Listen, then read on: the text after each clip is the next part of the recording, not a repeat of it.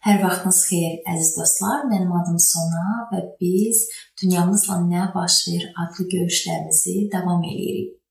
Keçən görüşümüzdə biz İsa'nın ikinci gəlişi barədə danışdıq. Dünyanın sonunda baş verən hadisələr, bizi stressə salan, bizi narahatlıq içində qoyan hadisələr barədə dedik və bu gün mən sizinlə maraqlı bir şey paylaşmaq istəyirəm. Ümumiyyətlə ikinci gəliş ərəfəsində, İsa'nın ikinci gəliş ərəfəsində Biz nələrə hazır olmalıyıq? Allah nəyi bizdən istəyir və nələrə bizi hazır etmək istəyir. Allahın çox vacib xəbərləri var və bu xəbərləri onun mələkləri bizə çatdırır və bu barədə biz bu gün daha ətraflı öyrənəcəyik. Ümumiyyətlə biz öz taleyimizlə bu dünyanın sona gedən hadisələri ilə üz-üzəyik və hər yerdə müharibələr haqqında eşidirik və hətta müharibənin şahidi özümüz oluruq. Boşanmaların sayı əhəmiyyətli dərəcədə artır. Dağıdıcı zəlzələlərin sayı inanılmaz dərəcədə artıb. Biz hər yerdə cinayətkarlar və cinayət törədən insanlar haqqında xəbərlər eşidirik və cinsi əxlaqsızlıq artıq həyatın bir normasıdır. Amma eyni zamanda dünyaya Allahın müjdəsi yayılır. Əvvəllər onun üçün bağlı olan yerlərə artıq Allahın xoş xəbərləri çatır və bütün bunlar dünya tarixinin yaxınlaşan ən əsas hadisəni göstərir və təəssüflər olsun ki, bir çox insanlar hələ ona heç hazır deyillər. Və belə bir cümlə eşitmişdim, xoşuma gəldi sizinlə də paylaşım. Deməli, müqəddəs kitabı paraşutla müqayisə edirlər. Belə deyilir ki, müqəddəs kitab paraşut kimidir. Əgər səni xilas etməyini istəyirsənsə, onu açmalısan.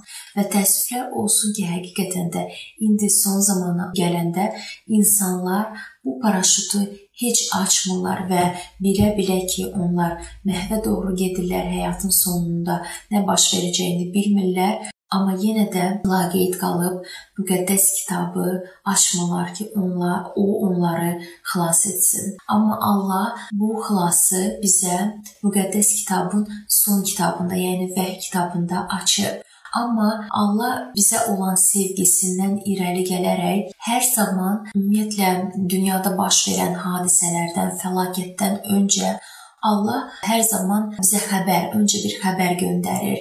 Əhdi ətiqdə məsəl üçün peyğəmbərləri göndərirdi ki, onlar fəlakətdən öncə xilas etmək üçün xəbəri eşitsin, xilas olsunlar. Məsəl üçün, baxın Nuhun dövründə Allah Nuha 120 il vaxt verdi. Hətta Nuha yox, yəni orada yaşayan, onunla yaşayan insanlara 120 il vaxt verdi ki, Nuh bütün bu illəri onlara müjdəni çatdırsın. Bu 120 il sevgi, məhəbbət, lütf illəri idi onlar üçün. Və yalnız bu 120 il ərzində bu xoş xəbəri tamamilə insanlar rədd etdikdən sonra Allah dünyaya daşqın göndərdi. Və ya Yusifin dövründə də Allah Misri gələcəkdə aclıqdan xilas etmək üçün, insanları orada xilas etmək üçün orada bir insan yetişdirdi və Misrə aclıq gəlməzdən öncə Allah ora ilk sevgini göndərdi, öz sevgisini göndərdi və onlar onu rədd edəndən sonra Allah ora aclığı göndərdi. Ümumiyyətlə əhd ətiqdə həqiqətən dediyim kimi belə hadisələri dəfələrlə biz rastlaşa bilərik və görürük ki, bütün bu prinsip, Allahın bu prinsipi bütün kitab boyunca, bütün hadisələr boyunca əhd ətiqdə də baş verir. Hətta əhd cədiddə də bildiyimiz Allah İsa'nın yolunu hazırlamaq üçün ondan öncə vəftişçi Yəhyanı göndərdi və təbii ki, çox təəccüblü olardı. Allah bizi İsa'nın ikinci gəlişinə hazırlamasaydı və bu barədə heç bir xəbər verməsəydi, bax bu təəccüblü olardı. Və Allah bizi İsa'nın ikinci gəlişinə hazırlatmaq üçün bizə çox önəmli bir xəbər göndərib. Bu xəbər İsa'nın ilk dəfə gəldiyində vəftişçi Yəhyanın dövründə olan insanlar üçün necə əhəmiyyətli olubsa, bizim üçün indi o qədər əhəmiyyətlidir. Gəlin baxaq bu xəbər nədən ibarətdir. Vəhiy 14-cü fəsil 6-cı ayə. Mən göyün ortasında uçan başqa bir mələk gördüm. O yer üzündə yaşayanlara, hər millətə, hər tayfaya, hər dilə və hər xalqa yaymaq üçün əbədi bir müjdə gətirdi. Allah deyir ki, bu əbədi müjdəni, son zamana aid müjdəni mələklər gətirir və bu mələklər, yəni havada sakit qalmırlar. Onlar təcili şəkildə bu müjdəni hər yerə yayırlar və bu dünyanın hər kənarına ildırım sürətində ötürülür. Bu dünya xəbəridir və bu hər ölkəyə, hər tayfaya, hər dilə, hər insana çatan bir xəbərdir. Bəs bu xəbər bütün bəşəriyyəti hansı hadisəyə hazırlayır? Gəlin baxaq Vəhi 14-cü fəsil 14 və 16-cı ayəyə qədər. Mən gördüm ki, ağ bir bulud var və buludun üstündə bəşər oğluna bənzər biri oturub. Onun başında qızıl tac və əlində iti oraq var idi. Başqa bir mələk də məbəddən çıxıb buludun üstündə oturana uca səslə dedi: "Orağını işə sal və biç. Çünki yer üzündəki əkin yetişdiyi üçün biçin zamanı gəldi. Onda buludun üstündə oturan öz orağını yer üstünə saldı və yer üzünü biçdi.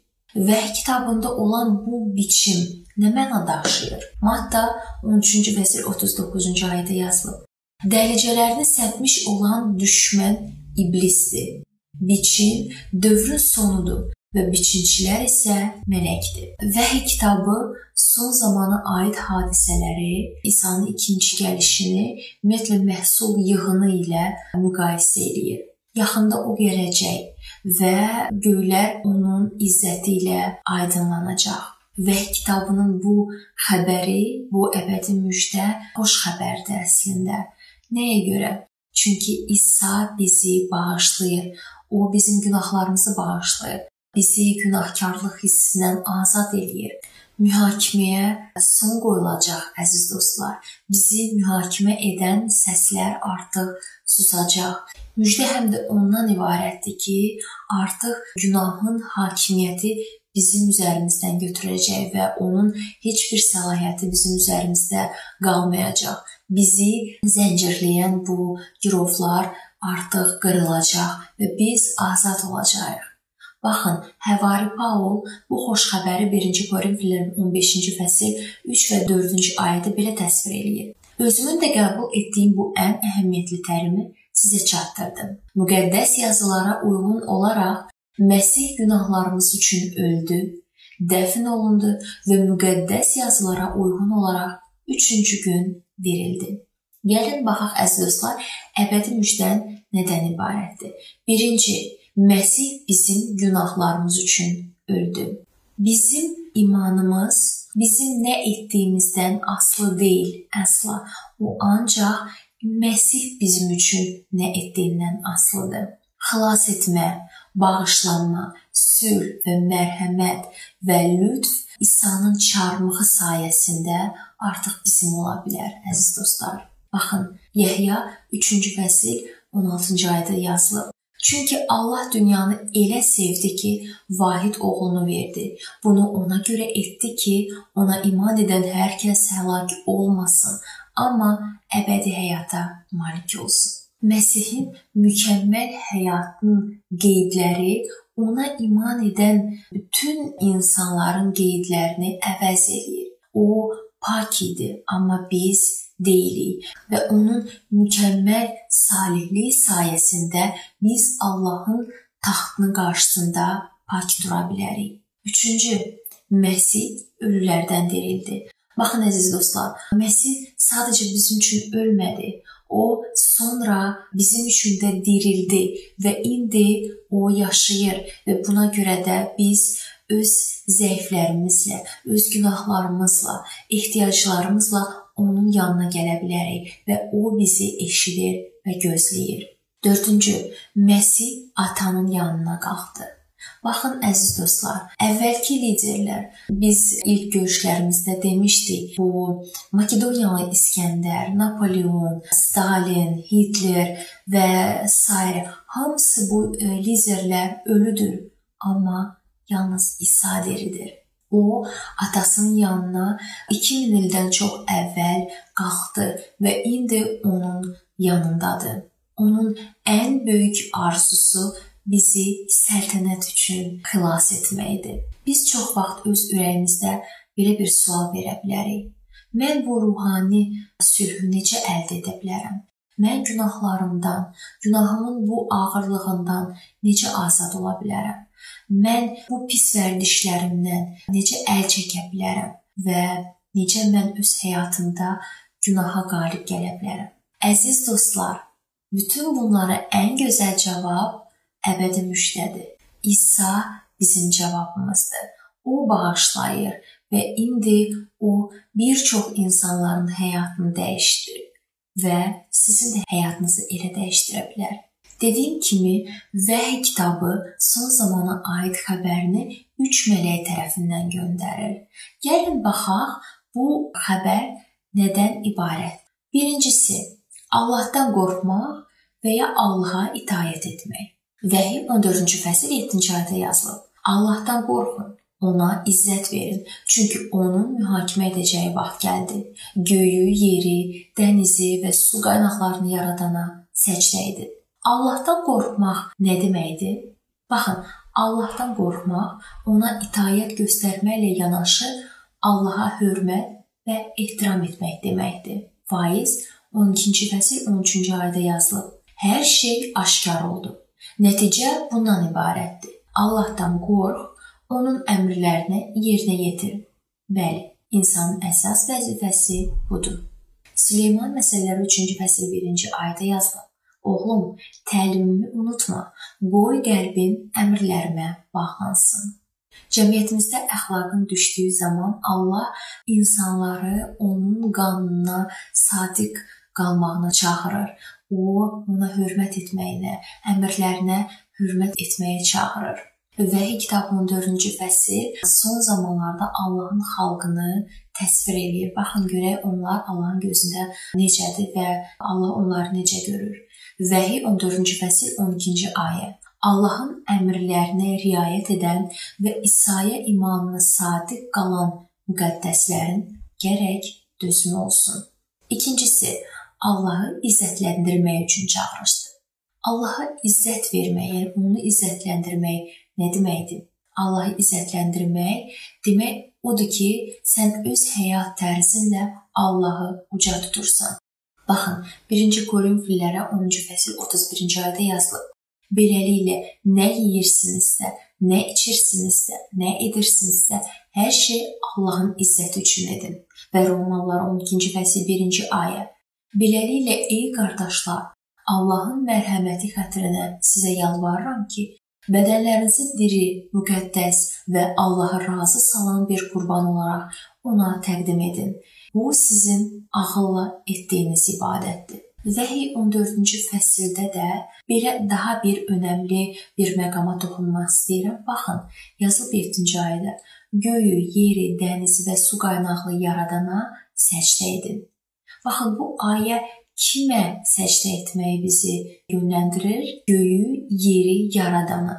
İndi təkəmmül nəzəriyyəsinin populyar olduğu bir vaxtda və insanların Allahın bu yaradanın fikrini rədd etdiyi bir zamanda Allah bizə deyir ki, yeri, göyü yaradana itaat edin, səcdə edin. Biz Allah tərəfindən yaradılmışıq. Yəni Allah bizi yaradıb və sadəcə hətta bu fakt ona səcdə etməyə əsasdır. Baxın Bəhi 4-cü fəsil 11-ci ayədə yazılıb. Ey bizim Rəbbimiz və Allahımız, sən izzət, şərəf və qüdrət almağa layiqsən. Çünki hər şeyi sən yaratdın. Hər şey sənin iradənlə var olub yarandı. Əziz dostlar, və indi bizim qabağımızda belə bir seçim var. Kimə səcdə edəcəyik? Yaradana yoxsa vəhşi heyvana? Allah bizə onun, Allahın möhrünü qəbul etməyə çağırır. Vəhşi heyvanın damğasını deyil. Üçüncü də biz dedik ki, Allaha səcdə edin. Beləliklə biz Allahın bizdən nə gözləndiyini öyrəndik. Allahdan qorxmaq, ona itaat etmək, öz həyatımızla onu izzətləndirməklə ona səcdə etmək. Niyə bizdən bunu gözləyir? Bunu da öyrəndik. Çünki o bizim yaradanımızdır və ona səcdə etməyə layiqdir. İndi isə gəlin baxaq bu xəbər bizim üçün niyə bu qədər vacibdir? Təkrar oxuyuram Vəhiy 14-cü fəsil 7-ci ayə. Allahdan qorxun, ona izzət verin, çünki onun mühakimə edəcəyi vaxt gəldi. Allah deyir ki, qiyamət saatı artıq gəlib. Demək olarmı ki, biz indi o zaman mühakimə dövründə yaşayırıq və hal-hazırda etdiyimiz seçimlər bizim gələcək taleyimizi həll edir. Baxın, Vəhiy 22-ci fəsil 12-ci ayədə yazılıb. Budur, tezliklə gəlirəm. Verəcəyim mükafat mənimlədir və hər kəsə öz əməlinə görə əvəz verəcəm. İsa hər kəsə mükafat verməyə gəlirsə, bu deməkdir ki, mükafata layiq olanlar üçün bu hadisədən öncə qərarı qəbul edən məhkəmə olmalıdır. Baxın, Vəhiy 16-cı fəsil 7-ci ayədə yazılıb. Bəli, ey külli ixtiyar, Rəbb Allah, sənin hökmlərin həqiqi və ədalətlidir. Allah heç vaxt səhvə yol verməz. Təbii ki, dünyamızda məhkəmələr səhvə yol verə bilər, münsiflər səhv ola bilər, amma Allah heç vaxt səhv etmir və onun mühakiməsi hər zaman ədalətlidir. Vəhy kitabı yer üzündə yaşayan bütün insanların Məsihin ikinci gəlişinə qədər son qərarı barədə deyir. Yəni verəcəyi son qərarlar barədə deyir. Vəhiy 22-ci fəsil 11-ci ayə. Haqsızlıq edən qoy daha da haqsızlıq etsin. Murdar olan daha da murdarlansın. Salih olansa qoy daha da salih işlər görsün. Müqəddəs olan daha da müqəddəs olsun. Vəhiy kitabında olan Məsih bu gün sənə müraciət eləyir. O səni xilas etmək istəyir və səni öz padşahlığında görmək istəyir. Dünyada hər şeydən çox səninlə olmaq onun arzusudur. Və buna görə də Vəhiy kitabının 14-cü fəslində olan xəbər bu qədər vacibdir. Gəlin biz indi yekunlaşdıraq birinci mələyin xəbərini. Bu nəyə çağırış idi? Baxın, əbədi müjdəni qəbul etmə çağırışı. Sevgi hissindən doğan ibadət çağırışı. Həyatımızda Allaha izzət vermə çağırışı. Rəbbə ibadət etmək çağırışı. Sonuncu məhkəmənin işığında salih həyat sürmək çağırışı. Allahın son çağırışı sadiqliyə, sədaqətə, itayətə çağırışdır. Vəhy kitabı 14-cü fəsil bu xəbəri bizə çatdırmaqla həqiqəti ortaya çıxartdı və yalanı ifşa etdi. Vəhy kitabında Babil haqqında danışır. O Babil ruhani qarışıqlığı simvolizə edir və onun rəmzidir və Rəbb Babil qülləsində dilləri qarışdırdığı kimi son zamanlarda rəvayətlərə əsaslanan insanlar da kilsələrdə qarşılığa gətirib çıxardacaq. Vəhy kitabının 14-cü fəslində 2-ci mələyin xəbəri bizə deyir ki, son böhran zamanı insan təlimlərinə uyan hər hansı bir dini sistem müqavimət gətirməyəcək. Bu barədə baxın Vəhiy kitabı 14-cü fəsil 8-ci ayədə belə yazılır. İkinci mələk də onun ardınca gələrək deyirdi: "Dağıldı. Böyük Babil dağıldı. O əxlaqsızlığın coşqun şərabını bütün millətlərə içirtmişdi." Babil adlı bu yalan dini sistemi vasitəsilə kilsələrə yalançı tədris nüfuz edəcək. Amma Rəbb öz xalqını müqəddəs kitaba doğru çağırır, yəni onu oxumağa çağırır. Çünki müqəddəs kitab bizim imanımızın əsasıdır. İsa Yahya 17-ci fəsil 17-ci ayədə belə deyir: Onları həqiqətlə təqdis et. Sənin sözün həqiqətdir. Bu gün Rəbb hər birimizi öz sözünə yönəldir. Gəlin davam edək. Vəhiy 14-cü fəsil 9 və 10-cu ayədə yazılıb ki, bunların ardınca üçüncü bir mələk də gələrək uca səslə deyirdi: Kim vəhşi heyvana və onun surətində səcdə edib öz alnının yaxud əlinin də buxanılmasını qəbul edərsə, o da Allahın qəzəb kasasına qarışıqsız tökülmüş coşqun şərabından içəcək. Bu yerdə Vəhiy kitabında şeytanın, yəni vəhşi heyvanın damğasını almaq təhlükəsi barədə ciddi şəkildə xəbərdarlıq var və 14-cü fəslin bu 3 mələyin xəbəri axırda Allahın xalqının, yəni Allahın sadiq övladlarının təsviri ilə başa çatır. Baxın, oxumuşdum sizə Vəhiy 14-cü fəsil 12-ci ayə. Allahın əmrlərinə riayət edən və İsa'ya imanına sadiq qalan müqəddəslərin gərək dözüm olsun. Gəlin yekunlaşdıraq. Vəhiy 14-cü fəsil 7-ci ayə bu bizə həqiqi itayətə çağırışdır. Yəni biz yaradana itayət etməliyik. Vəhiy 14-cü fəsil 9-cu ayə bu saxta ibadətə qarşı xəbərdarlıq idi. Və Vəhiy 14-cü fəsil 12-ci ayə Allahın əsl ardıcıları barədə bizə məlumat verdi. Əsas məsələ ibadətdir. Son zamanlarda Allahın elə bir qrup e, adam olacaq, yəni öz xalqı olacaq ki, onlar Allahın sözünə, Allahın kəlamına sadiqdirlər və onun qanunlarına riayət edirlər. Əziz dostlar, bu gözəl xəbərləri sizinlə paylaşdım, sizinlə bölüşdüm. Bu əslində əbədi müjdə, necə də gözəldir və bizim üçün necə də vacibdir və bu müjdəni bizim qəbul etməyimiz üçün İsa öz həyatını qurban verdi. O bizim üçün öldü və indi o istəyir ki, biz də onun üçün ölək. Amma ölək deyəndə nəyi nəzərdə tutur? Baxın əziz dostlar. Bizim egoist ambisiyamız üçün ölmək, bizim qürurumuz üçün ölmək, bizim şəhvətimiz üçün ölmək, bizim pis vərdişlərimiz üçün ölməyə çağırır Allah nəyimiz varsa bütövlüklə ona verməyə çağırır Allah. O bizi xilas etmək istəyir və əgər sən də bu xilası qəbul etmək istəyirsənsə, o zaman bir yerdə dua eləyək. Əziz və gözəl Allahım, sənə bu görüşlər üçün minnətdarıq. Sən bu görüşlər vasitəsilə lazım olan insanların ürəyinə toxunmaq istəyirsən. Sən onları xilas etmək istəyirsən və əbədi padşahlıqda bir yerdə olmaq istəyirsən, bu sənin ən böyük arzundur və buna görə də sən gəlib öz həyatını bizim üçün qurban verdin. Sən çarmıxa çəkildin və sənin ölümün və dirilmənin vasitəsilə biz xilası əldə edə bilərik. Ya Rəbb, mən dua edirəm ki, indi bu xəbəri, bu gözəl əbədi müjdəni, bu xoş xəbəri eşidən insanlar öz ürəklərində sənə yer açsınlar. Biz səni öz xilaskarımız kimi qəbul etmək istəyirik. Ya Rəbb, bizi bağışla, bizim keçmiş günahlarımızı bağışla. Günahkarlıq hissindən bizi azad et və bizi bütün bu xovlardan azad et, ya Rəbb.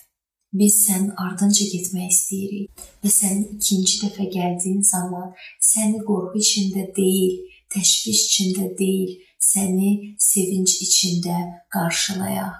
Bütün bunları sənin gözəl və uca ismi ilə dua edib istədim. Amin.